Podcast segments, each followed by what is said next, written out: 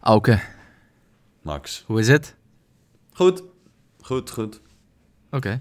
Ben je nog niet moe van de quarantine? Nee, maar ik vergeet soms wel welke dag het is. Ah ja, Het is vandaag. het is vandaag, ja. Dat klopt. Nou, ik heb trouwens nog eens even, eh, naar aanleiding van onze podcast over eh, Noord-Korea, eh, was ik nog een beetje aan het rondzoeken of hoe het nou gaat met die man. Maar weet je wat zij voor een, voor een bestuursvorm hebben? Dus wij hebben een democratie, weet je wat zij hebben? Hm. Ja, een eh, autocratie. Ja, en wel een necrocratische autocratie. ja, Oké. dat is dus, ja, het woord necro, dat zegt je misschien wel wat. Ehm, Dood. Dood, ja. Dus Ah, zij luisteren nog naar iemand die, eh, die dood is. En dat is een, eh, ja, eh, ja, een, een dode dictator, een necrocratie. Oh, omdat zijn, zijn opa is natuurlijk officieel nog ja, staatshoofd. Ja, precies. Kim Il-sung. Kim Il-sung. Dus ja, ehm, dus dat. Dank voor die update, Max. Ik ben daar heel blij mee. Ja. Weer wat geleerd. Ehm zullen we het vandaag eens eh, hebben over ehm, wat al die geheime diensten toch allemaal uitspoken? Zijn het allemaal van die James Bond instituten of valt het allemaal wel mee? Laten we daar eens over praten. Oké, nou, lijkt me top.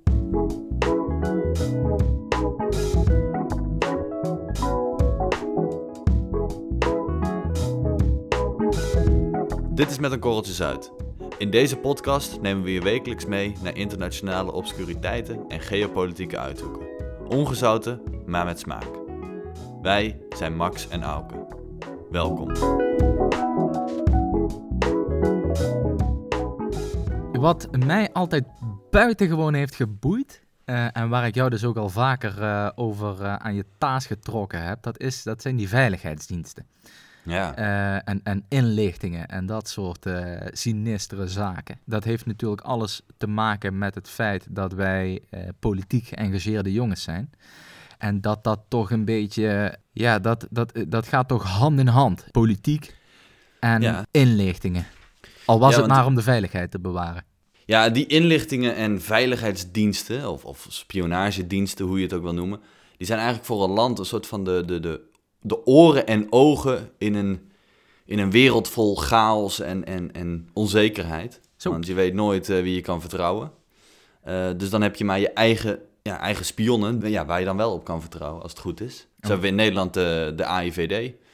Ja. Eh, in Amerika hebben ze de CIA. Mhm. In Israël de Mossad. Ah, dat zijn ook lakkengasten. Ja. Ja. Die, die hebben die Eichmann nog uit zijn hut getrokken. In Ja. Argentinië. Ja. Oké, lachen. AIVD overigens, waar zitten die mannen? Waar, waar zit dat eh, clubje? Die zitten in, eh in Zoetermeer, in een of ander heel lelijk pand.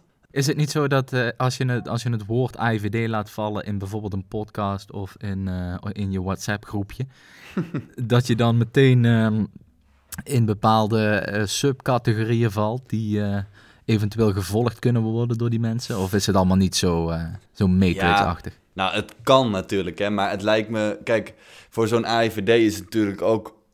die, moet, die moeten ook keuzes maken in de gigantische berg data... die er dagelijks door de Nederlandse eh, ja, eh, ICT-infrastructuur schiet.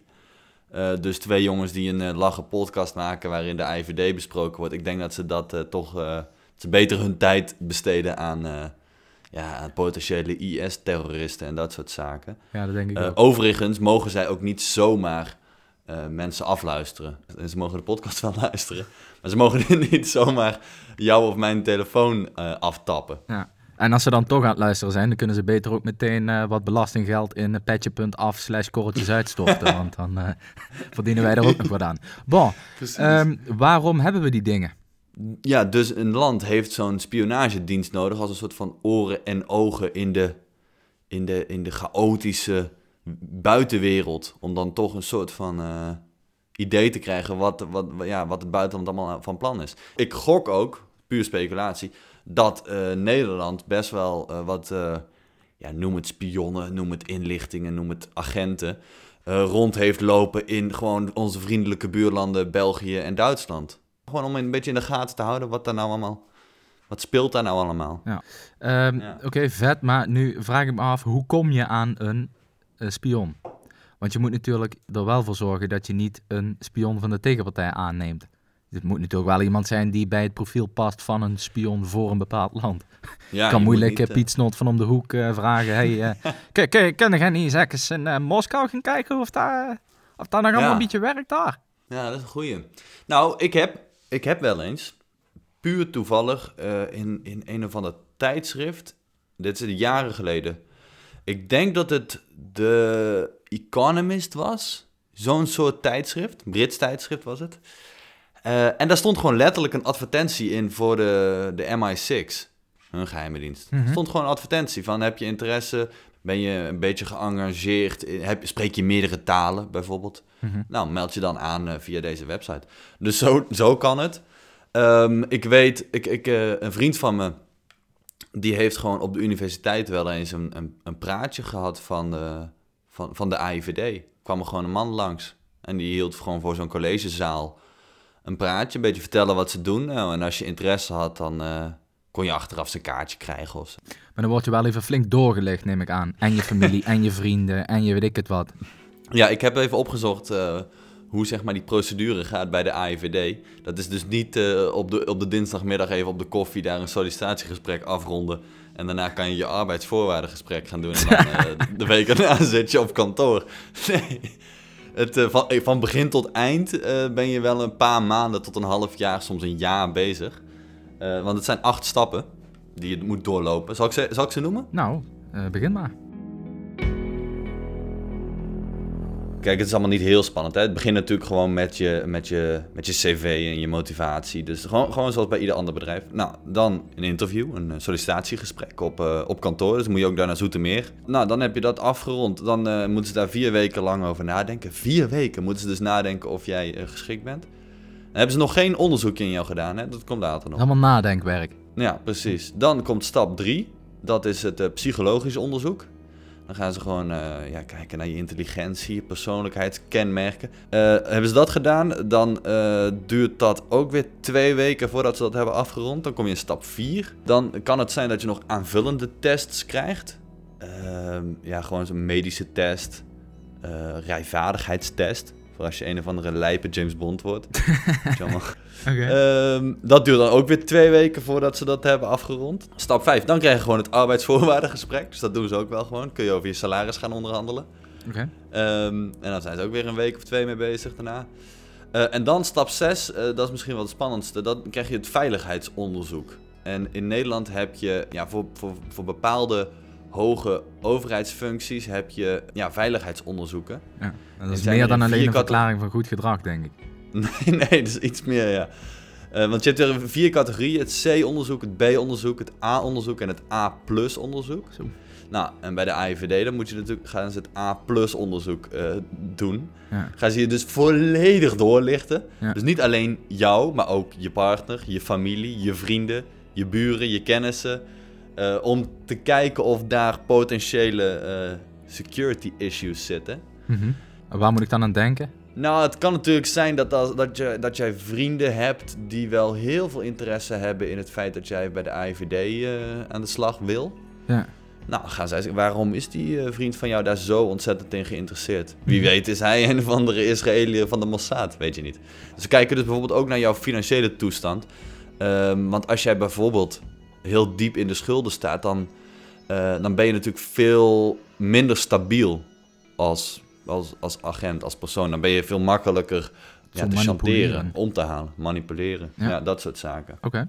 Dus daar, gaan ze, daar kijken ze naar. Nou, dat duurt dus eh, ook weer acht weken.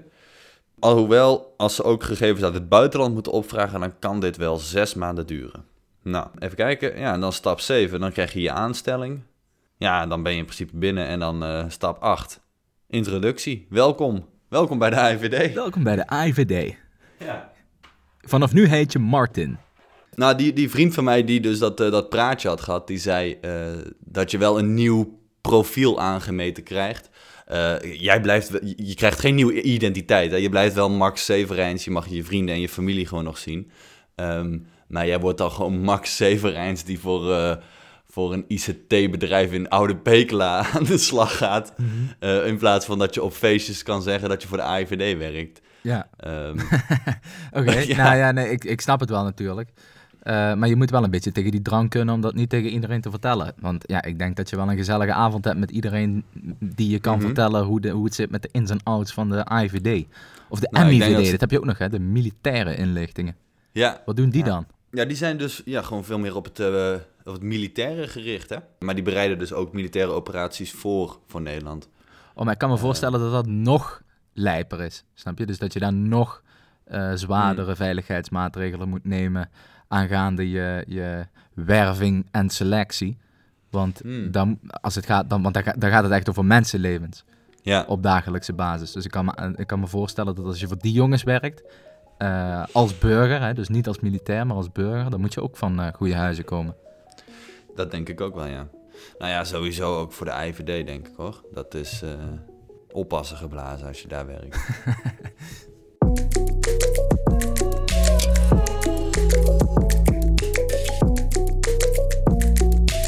Oh ja, trouwens, weet je wat ook wel mooi is? Kijk, bij de IVD zitten natuurlijk een hele hoop nerds. Want ja, dat zijn allemaal van die data-analysten, die cryptologen, die de hele dag allemaal...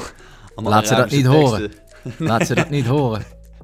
Nee, maar goed, eh, ze- laten het wel een beetje zien, want ieder jaar, dat vind ik dan wel weer mooi, ieder jaar eh, komt de IVD met een kerstpuzzel. En dat is niet zomaar een puzzel die je, die je op de zondagavond met je familie even gezellig oplost. Nee, dit is een totaal, een totaal onmogelijke puzzel. Ehm, een van de, van, de, van de vragen, het is niet eens een vraag, staat gewoon, je krijgt gewoon 100 klokken die op verschillende tijden staan. En dan staat eronder antwoord. ik zou niet weten hoe je dat in, in moet vullen. En dan zijn er mensen die dat eh, goed invullen, denk je? Eh, ja, ja. En dan worden die gerecruiteerd om, eh, om een paar encrypted ja, terroristen de tent eh, te jagen. ja. Volgens mij hebben ze nog nooit iemand gehad die de hele puzzel goed had. Want het zijn volgens mij iets van 30 vragen. Ehm, maar je hebt wel altijd mensen die een aantal vragen goed hebben. En, die, en, die, en dan heb je een deadline en dan kan je het Mhm. En een week later of zo komt de IVD met de officiële antwoorden. Die publiceren ze dan ook gewoon. Ja, en ik denk inderdaad, als jij eh, een hele rits vragen goed hebt, dat ze je wel een belletje geven van... eh, hey, wil je niet een keer eh, koffie komen drinken? Een groepje mensen waar geheime diensten of staten of legers van bepaalde landen het natuurlijk eh, niet zo op hebben, dat is die, eh, die Wikileaks eh, onderzoeksjournalistiek-achtige Oeh. hoek. Ja, dat is eigenlijk precies wat zij niet willen hebben. Moet, Ja, het is dat- namelijk de essentie van zo'n dienst is dat het allemaal geheim blijft. En dan komt er zo'n Julian Assange met zijn website allemaal eh, dingen online zetten. Allemaal, eh, allemaal filmpjes posten waarin die... Ken je dat trouwens, dat filmpje waar eh, die... Ju- ja, jij begint over Julian Assange, maar...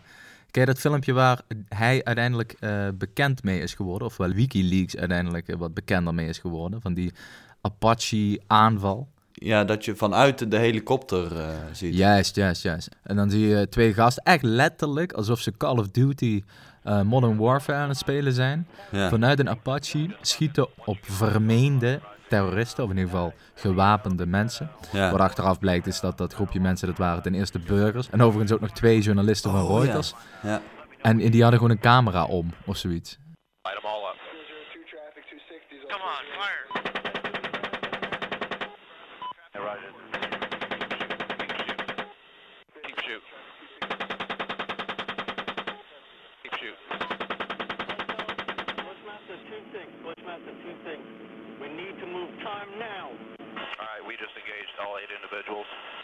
Ja, en je ziet toch wel in dat filmpje op een gegeven moment ook wat kinderen daar dan eh, wegkruipen of wegrennen. En dan zegt gewoon die soldaat ook van ja, je moet, die- je moet die kinderen ook niet meenemen naar een oorlogsgebied. Ja, ja, wow, zo- Wat een, wat een Ja, zoiets. wereld. Zoiets. Maar en even later, want ze schieten dan elf mensen dood. En even later worden die natuurlijk opgehaald, die lijken, door een busje. Ja, dus eh, ook weer door gewoon eh Irakese burgers.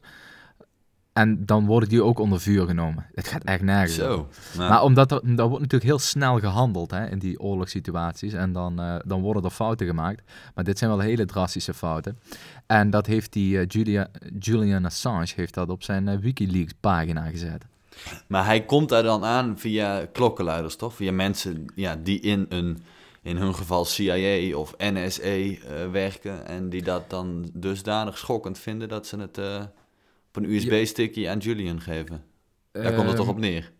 Ja, daar komt het. eh, als, ik me, als ik het me goed herinner, dan heeft hij dat specifieke filmpje gekregen van een Amerikaanse eh, soldaat. Die Mhm. was eh, een soort inlichtingenanalist ook.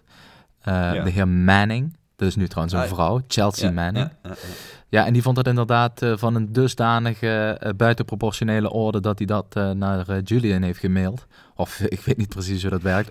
En ja, toen is dat balletje een beetje gaan rollen met die Julian. Hè. Daar waren de Amerikanen niet zo blij mee. Toen heeft hij zijn, zijn heil gezocht in Zweden. En je weet nog dat daar toen die, Ja. die, wat is het, die, die, die sexual assault charges toen zijn gekomen. Hij werd verdacht van verkrachting. Is later ingetrokken. Ja, maar dan kan je dus eigenlijk, eigenlijk misschien wel stellen dat zo'n, dat zo'n Wikileaks is misschien een soort van, ehm, of ja, die, li- die ligt eigenlijk een, een tipje van de sluier op voor ons onwetende burgers eh, over wat zo'n inlichtingen, geheime, dienst nou, nou precies doet. Komt het eigenlijk op neer, toch? Ja, nou ja, tipje van de sluier. Volgens mij stonden daar in 2010 eh, stonden daar al eh 1,2 miljoen documenten op. Dus dat gaat wel ergens over. Eh, Ja. En ik, ik weet ook inderdaad niet precies hoe ze daar aankomen en al die classified information, want dat is het natuurlijk ook. En dat is Mhm. overigens ook hetgeen waar die Julian Assange show voor in de problemen is gekomen. Namelijk dat hij allerlei ja, classified information, met andere woorden, Mhm. geheime informatie heeft eh, verspreid. Ja. Staatsgeheimen heeft verspreid. Ja. En eh, als ik me niet vergis, dan staat er in Amerika gewoon de doodstraf op. Op, eh, op espionage en dat soort ja, onzin. dat denk ik wel, ja.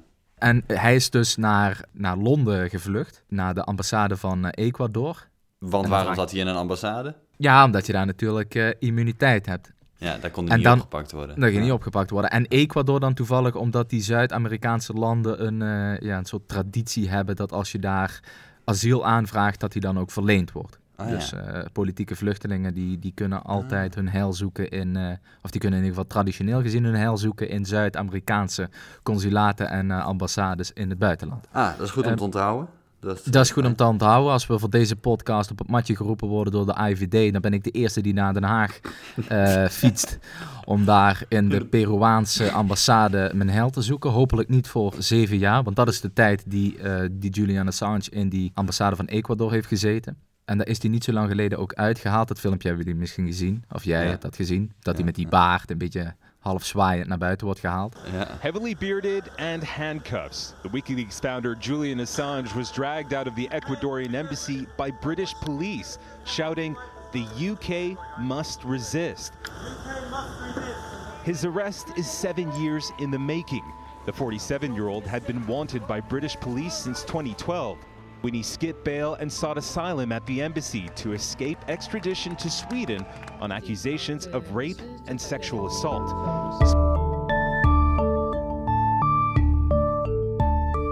Over dat Wikileaks, ze zeiden net wel een beetje gekscherend dat dat dan zo... eh, dat hij dat gewoon via de e-mail of een USB-stick krijgt. Maar ik heb wel eens gezien dat dat... eh, ja, dat dat bij Wikileaks... Het was natuurlijk niet zo dat als jij bij de, bij de CIA werkte... en je had wel een, eh, een boeiend filmpje... dat je dat dan naar eh, julian.wikileaks.com stuurt. Eh, zo, zo makkelijk ging dat natuurlijk niet. Want dat moest ook allemaal heel lijp encrypted worden, zodat eh, ook de identiteit van de verzender eh, ja, geheim bleef. Dus dat Julian aan de andere kant eigenlijk ook niet weet met wie die nou communiceert. Ja, ja, die, die, de identiteit, of in ieder geval de anonimiteit moet ik dan zeggen, van die eh uploadende partij, die werd altijd gewaarborgd. Voor 100% eh, gewaarborgd. De zogenaamde, Ja, ja. zogenaamde klokkenluiders. Die, Ja. eh, die werden niet verlinkt. Nou, het punt is nu wel dat, eh, want het is natuurlijk allemaal uitgekomen, we weten eh, wie dat heeft gestuurd, namelijk mevrouw Manning. En dat is omdat zij ooit een keer onder valse voorwendselen in een interview is gelokt. En daar heeft opgebiecht wat ze heeft gedaan. Oei. En van, van welke organisatie ze was, et cetera. En wat ze heeft gezien. Hm. En ja, toen is dat balletje een beetje gaan rollen natuurlijk.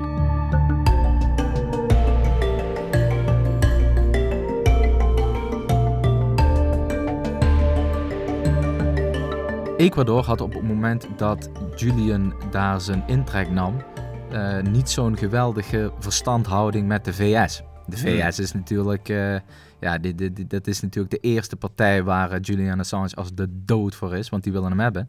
Later is daar een wissel geweest eh, in presidenten en die waren wat meer Amerikaans gezind. En die Hmm. hebben er toch, eh, ja, die hebben het een beetje gegooid op dat ze het niet meer trokken met die gast daar in die ambassade. En toen hebben ze hem Mhm. uiteindelijk dus toch eruit geflikkerd. En nu zit hij ergens in het celletje in Londen in Oei. afwachting van zijn ehm, proces. Want dat is ook wel uitgesteld, want nu heb je dus die coronacrisis, et cetera. Het hele probleem van dit complete verhaal natuurlijk is dat je in een pluriforme samenleving, zoals wij dat hebben, eh, waar inderdaad weliswaar eens een keer sprake kan zijn van eh, classified eh, intelligence, dat zoiets als een oorlogsmisdaad, hè, want het neerschieten van burgers in Irak, dat gaat natuurlijk vol tegen de conventie van Genève in. Dat is gewoon een, ja, een oorlogsmisdaad. Ja, lijkt me wel handig als er een partij is die dat enigszins aan het licht kan brengen. En Ja. dat je dan als journalist beschermd blijft. Want volgens mij een Ja. gezonde, volwassen democratie, die, die sluit geen journalisten op. Of die maakt geen journalisten af. nee. Ja, dit is, dit is wel een, een lastig punt. Want je moet natuurlijk ook als land wel ervoor zorgen dat, ja, dat zo'n geheime dienst geheim kan opereren. Dat hij niet constant bang ervoor hoeft te zijn dat, eh, ja, dat ieder document ja, morgen eh, op de voorpagina van de Volkskrant staat. Dus ja, het is, ja, nee, dat klopt. Dat, dat is ook zo. Maar zo'n inlichtingendienst wordt in de meeste landen ook gewoon gecontroleerd door het parlement. In, in Nederland bijvoorbeeld, de AIVD wordt gecontroleerd door eh, de Tweede Kamer. De, de, de commissie stiekem heet dat dan eh, informeel. Daar zitten wat fractieleiders, een stuk of Heet dat de commissie stiekem? Ja, ja. Commissie stiekem. Dus daar worden die, die worden dan ingelicht over het reilen en zeilen. En, het, en die bepalen ook mede het budget eh, van, van zo'n AIVD. Dus die controleren dat dan wel. Overigens, misschien wel de meest beruchte geheime dienst is eh, de Mossad eh, van Israël. Eh, dat is trouwens ook na de CIA de, de, de grootste inlichtingendienst ter wereld. Moet je nagaan, Ja? Israël, klein landje, heeft de na grootste inlichtingendienst ter wereld. Ja, ja, maar die worden ook van links naar rechts door allerlei Ja, landen omgeven die het liefst Ja. zouden zien dat Israël morgen nog met de grond gelijk eh, gemaakt wordt. ja precies. Dus het is, wel, het, is, het is redelijk logisch, want die zitten in een redelijk onvriendelijk buurtje, eh, wat hun betreft. Maar toch, ja, wel hele grote inlichtingendienst. En wat wel eh, ja, een puntje van kritiek is bij de Mossad. Die hebben wel redelijk wat puntjes van kritiek, moet ik zeggen. Wou zeggen, dat zijn niet de liefste jongens van deze planeet. Nee, maar in hun essentie, zij zijn dus eh, niet, zij hoeven geen verantwoording af te leggen aan het parlement. Zij zijn een op zichzelf staand, los van de Israëlische grondwet, eh, kunnen zij opereren. En ze, hebben alleen maar, ze hoeven alleen maar verantwoording af te leggen eh, naar de minister-president, Netanyahu. En zij, zij hoeven dus geen, zich geen zorgen te maken over vervolging of wat dan ook. Of, ze, zijn gewoon, ze zijn gewoon wetteloos, kunnen volledig hun eigen gang gaan. Ja. Nou, en dat hebben ze ook wel laten zien in de afgelopen, wat zal het zijn, 100 jaar dat ze, dat ze bestaan. Die hebben links-rechts wel wat eh, assassinations uitgevoerd in eh, Ja. diverse landen. Ja, die hebben die, die, die eh, Eichmann nog van zijn bed gelicht. Ja, die Argentinië. die, die naar Argentinië was gevlucht. In de jaren 60 hebben ze hem daar inderdaad... Of netjes teruggehaald te naar Israël. Ik denk dat dit een beetje het probleem is. Dus je hebt een, een veiligheidsdienst die natuurlijk in, in alle rust, zal ik dan maar even zeggen, eh, moet kunnen opereren om inderdaad hè, de veiligheid van zo'n land eh, te garanderen. Maar ja, dat ligt natuurlijk heel kort op een snijvlak met onbehoorlijk opereren. mhm, En mhm. daar is zo'n Wikileaks of zo'n Snowden, eh, Ja. zo'n Edward Snowden, dat is nog zo'n eh, nog zo'n eh, klokkenluider ja, die proberen er toch alles aan te doen dat het volk, het, het plebs, wij, jij en ik, Auke ja. en Max, dat wij weten wat daar gebeurt. En dan gaat het denk ik een beetje om het stellen van prioriteiten. Wil je dat je inlichtingendienst naar eer en geweten handelt? Of wil je dat er ja, goed, ten behoeve van het vinden van inlichtingen en het doen van militaire acties het een en ander in de doofpot gestopt wordt? Ja, het ding is natuurlijk dat zo'n discussie pas op gang komt... Ja, nadat dus bijvoorbeeld zo'n zo'n filmpje de wereld in eh, geslingerd wordt. Ehm, maar bijvoorbeeld de AIVD, die staat er ook om bekend dat ze wel ehm, ja, op wereldniveau in de top meedoen. Het zijn geen, eh, het zijn geen sukkels. Het zal niet de, de inlichtingendienst van Zuid-Soedan zal toch wel iets minder eh, goed eh, meedoen dan in Nee. de wereldtop.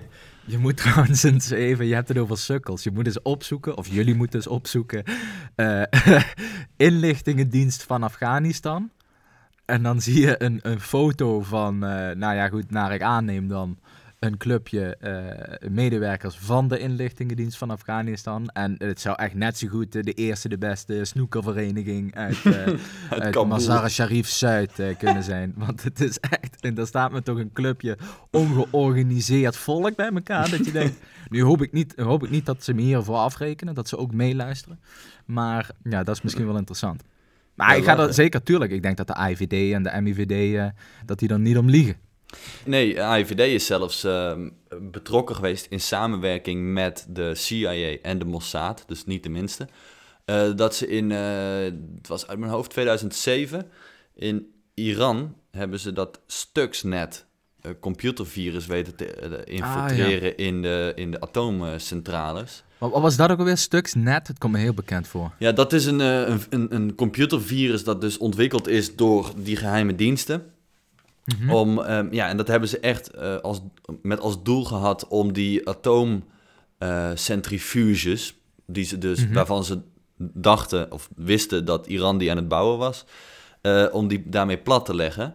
En dat is Mhm. ze dus uiteindelijk gelukt door een, een Iraanse ja, spion te, te, te recruteren. Dat was een, eh, een, een, gewoon een monteur.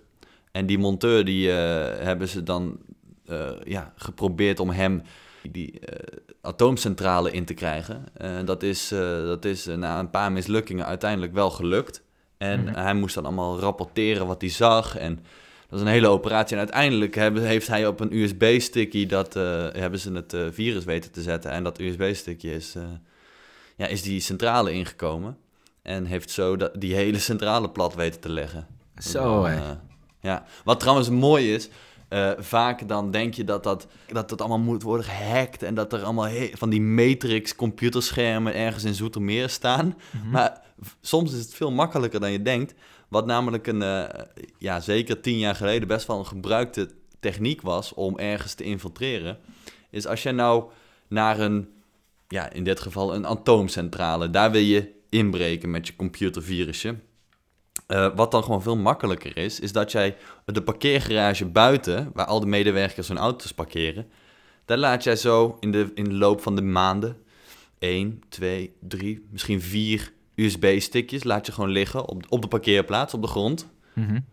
Uiteindelijk is er wel iemand die zo'n ding vindt en hem eens een keer in zijn computer steekt. En boem, ben, en ben je binnen. Zo, Ja. werd dat wel eens gedaan. Al mooi. Dus het is gewoon een kwestie van een of andere uit de kluiten gewassen Iranier aan zijn taas trekken. eh, een monteurspak aangeven en eh, met, een, eh, met een zak USB-stick zo'n eh, nucleair plant eh, insturen. Ja. Oké, nou ja, dat kan, kan, kan ik ook. Dat kan ik ook.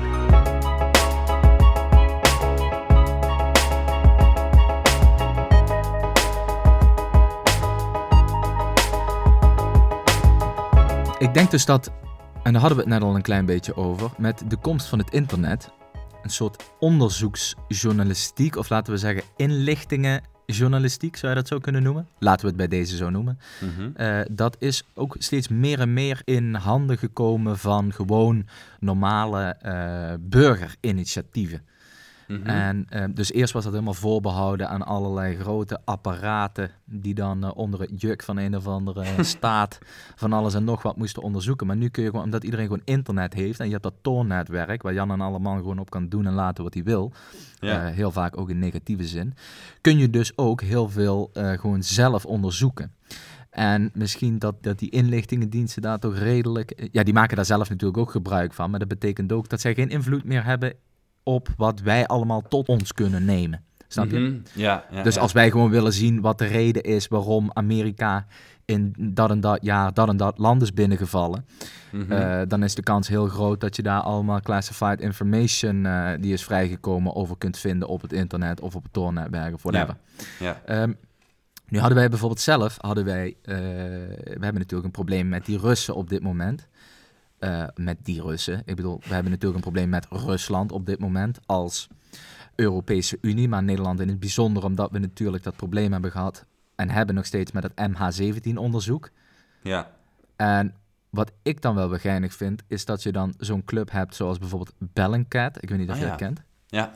En die doen dus eh, zelf onderzoek naar wat er allemaal gebeurd is. Hè? Die kijken naar foto's, et cetera. En wat zij doen, is zij via Google Maps kijken zij gewoon waar en op welk tijdstip zich welke gebeurtenis heeft voltrokken. Ah ja. Ze kijken gewoon naar schaduwen, hoe laat het dan was. Of ze kijken naar die, die trucks waar die mensen mee reden. En dan staan er dan telefoonnummers op. En dan bellen ze dan na. En dan blijkt dat van een of andere eh truck company te zijn die dan is overgenomen door, eh, door Russen of niet, weet je wel.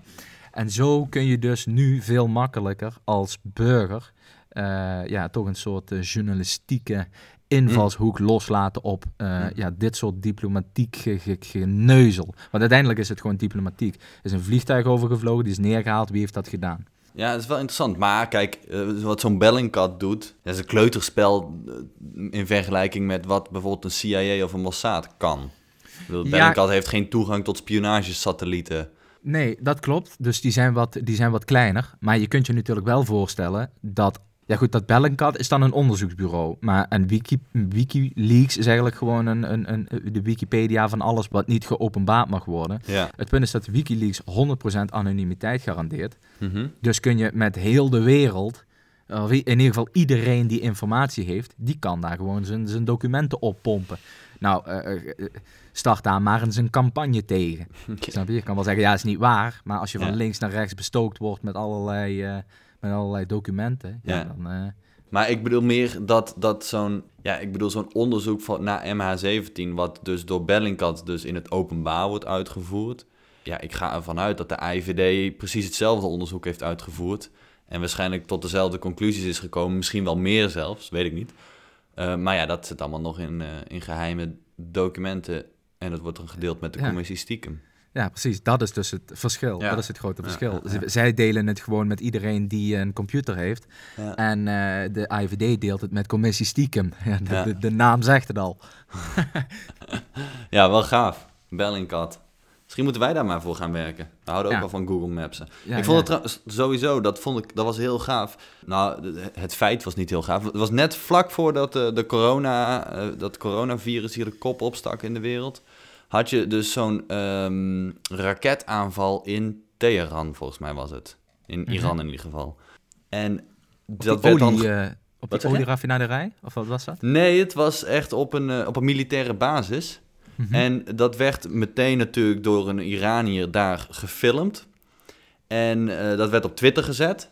En dat ging meteen rond. En toen heeft Bellingcat is daar meteen opgesprongen om te verifiëren of het nou echt was. Of misschien was het wel een nepfilmpje. Nou, hadden ze binnen no time door de, de maanstand, want het, want het was donker.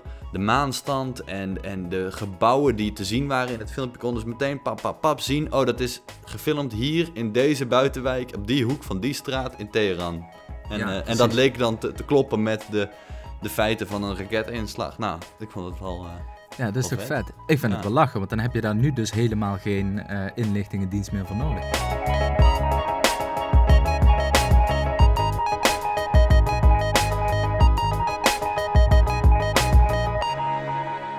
Ja, dames en heren, Max en ik willen heel graag deze podcast blijven maken. Maar wij krijgen links en rechts al joboffers van de Mossad, de CIA, AIVD. Ze willen ons allemaal hebben. Ehm, maar we willen graag independent blijven. We willen graag deze podcast blijven maken. En daar hebben we jullie hulp voor nodig.